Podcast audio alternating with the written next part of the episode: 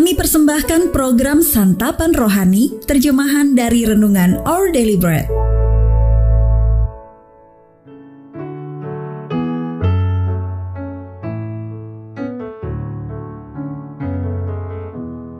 Sahabat ODB, pembacaan Alkitab hari ini terambil dari 1 Timotius pasal yang kelima ayat yang pertama sampai dengan ayat yang kedua. 1 Timotius pasal yang kelima ayat yang pertama sampai dengan ayat yang kedua. Saudara-saudara seiman, janganlah engkau keras terhadap orang yang tua, melainkan tegurlah dia sebagai bapa. Tegurlah orang-orang muda sebagai saudaramu, perempuan-perempuan tua sebagai ibu, dan perempuan-perempuan muda sebagai adikmu dengan penuh kemurnian. Ayat mas renungan hari ini terambil dari 1 Timotius pasal yang kelima ayat yang pertama sampai dengan ayat yang kedua dalam terjemahan bahasa Indonesia sehari-hari.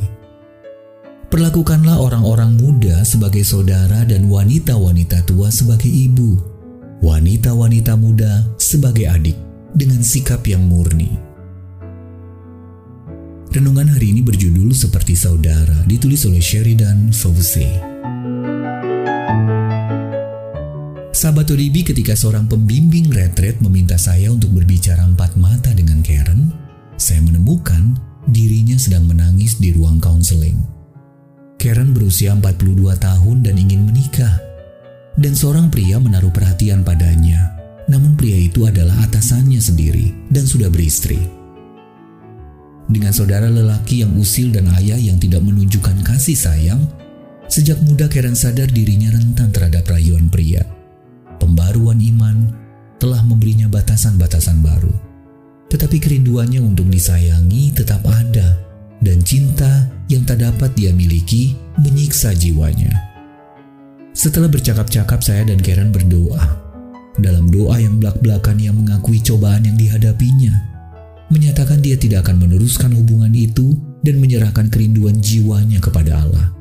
Ia pun meninggalkan ruangan dengan perasaan lebih ringan. Hari itu saya menyadari betapa brilian nasihat Paulus untuk memperlakukan satu sama lain sebagai saudara-saudari dalam iman. 1 Timotius pasal yang kelima ayat yang pertama sampai dengan ayat yang kedua. Cara kita memandang orang menentukan cara kita berinteraksi dengan mereka. Dan di dunia yang tega, menjadikan orang sebagai objek seksual, sikap kita yang memandang lawan jenis sebagai keluarga dapat menolong kita untuk memperlakukan mereka dengan sopan dan wajar sebagai saudara-saudari dalam hubungan yang sehat, kita tidak akan saling melecehkan atau merayu.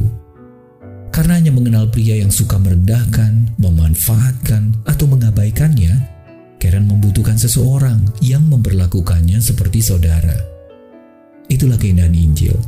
Kita memperoleh saudara-saudari baru yang dapat membantu kita menghadapi masalah hidup.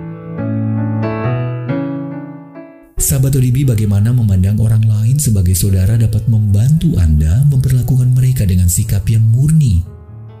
Lalu bagaimana nasihat Paulus dalam membantu pria dan wanita untuk berhubungan dengan sehat? Ya Bapak tolonglah aku memperlakukan orang lain dengan hormat dan sikap yang murni. Our